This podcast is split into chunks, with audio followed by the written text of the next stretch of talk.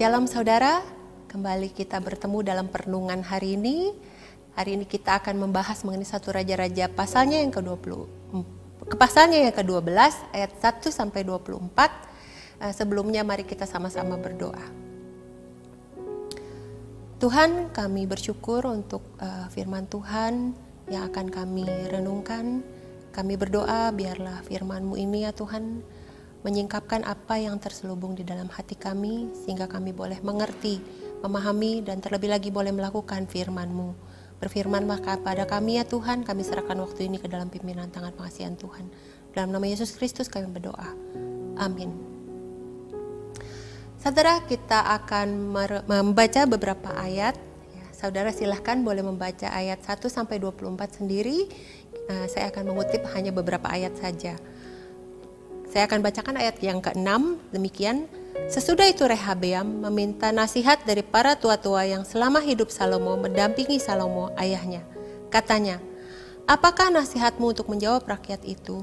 Ayat 7, mereka berkata, jika hari ini engkau mau menjadi hamba rakyat, mau mengabdi kepada mereka dan menjawab mereka dengan kata-kata yang baik, maka mereka menjadi hamba-hambamu sepanjang waktu ayat ke-8, tetapi ia mengabaikan nasihat yang diberikan para tua-tua itu, lalu ia meminta nasihat kepada orang-orang muda yang sebaya dengan dia dan yang mendampinginya. Nah, kita melompat ke ayat 15. Jadi rakyat, jadi raja tidak mendengarkan permintaan rakyat, sebab hal itu merupakan perubahan yang disebabkan oleh Tuhan supaya Tuhan menempati firman yang diucapkannya dengan perantaraan Ahia orang Silo kepada Yerobeam bin Nebat. Demikian pembacaan firman Tuhan. Saudara, satu Raja-Raja 12 ini menceritakan mengenai bagaimana Raja Salomo setelah ia meninggal, maka anaknya yang bernama Rehabeam menggantikan dia. Nah pada saat itu, setelah Raja Salomo meninggal, suku-suku Israel yang tinggal di bagian utara mereka datang untuk meminta keringanan menyangkut kewajiban mereka terhadap raja. Nah saat itu Raja Rehabeam meminta waktu untuk berunding dengan para penasihatnya sebelum memberikan jawaban. Nah dia datang kepada para tua-tua yang merupakan penasihat Raja Salomo sebelumnya. Dan para tua-tua ini menasihati agar raja menjawab rakyat dengan kata-kata yang baik untuk menenangkan hati mereka. Nah, dia kemudian mengabaikan nasihat itu. Dia datang kepada orang-orang muda, uh, meminta nasihat daripada mereka, dan yang dia pilih adalah nasihat orang-orang muda itu. Apa?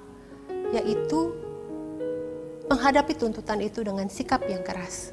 Dan akibatnya adalah rakyat marah dan sepuluh suku Israel yang tinggal di sebelah utara memberontak terhadap kekuasaan Raja Rehabeam.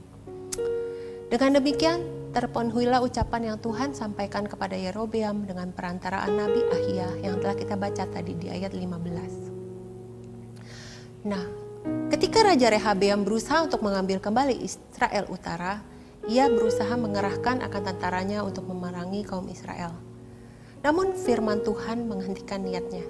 Kita baca kembali ayat 22 sampai 24. Tetapi datanglah firman Allah kepada Semaya, abdi Allah. Demikian.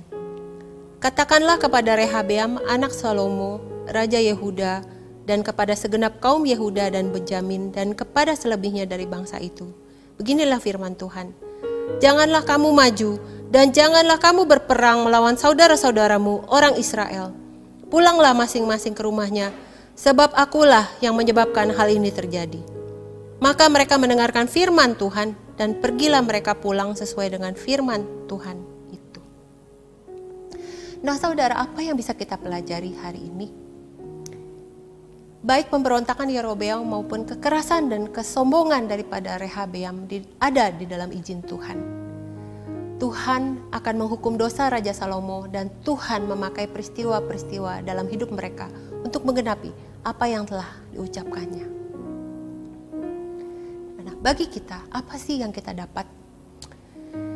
Tentunya di dalam keseharian hidup kita, kita harus waspada agar hidup kita boleh berkenan kepada Tuhan. Tuhan bisa menggunakan kelebihan kita untuk mencapai apa yang telah direncanakannya. Namun ada kalanya kekurangan dan kelemahan kita juga dapat digunakan oleh Tuhan untuk memenuhi kehendaknya. Biarlah mari kita boleh sama-sama berdoa agar Tuhan dapat memakai kesetiaan dan pelayanan kita untuk menjadi berkat bagi orang banyak. Dan bukan sebaliknya, dia mengizinkan kelemahan dan dosa kita untuk mengenami penghukuman atas dosa orang lain. Biarlah hal ini boleh jauh dari kita. Biarlah ini menjadi pembelajaran untuk kita untuk boleh terus setia dan menjadi berkat bagi orang banyak. Amin. Mari kita berdoa. Ya Tuhan, kami bersyukur untuk uh, firman-Mu pada hari ini. Kami berdoa biarlah kami boleh terus setia dan janganlah biarkan izinkan ya Tuhan uh, kelemahan kekurangan kami malah membawa datangkan celaka.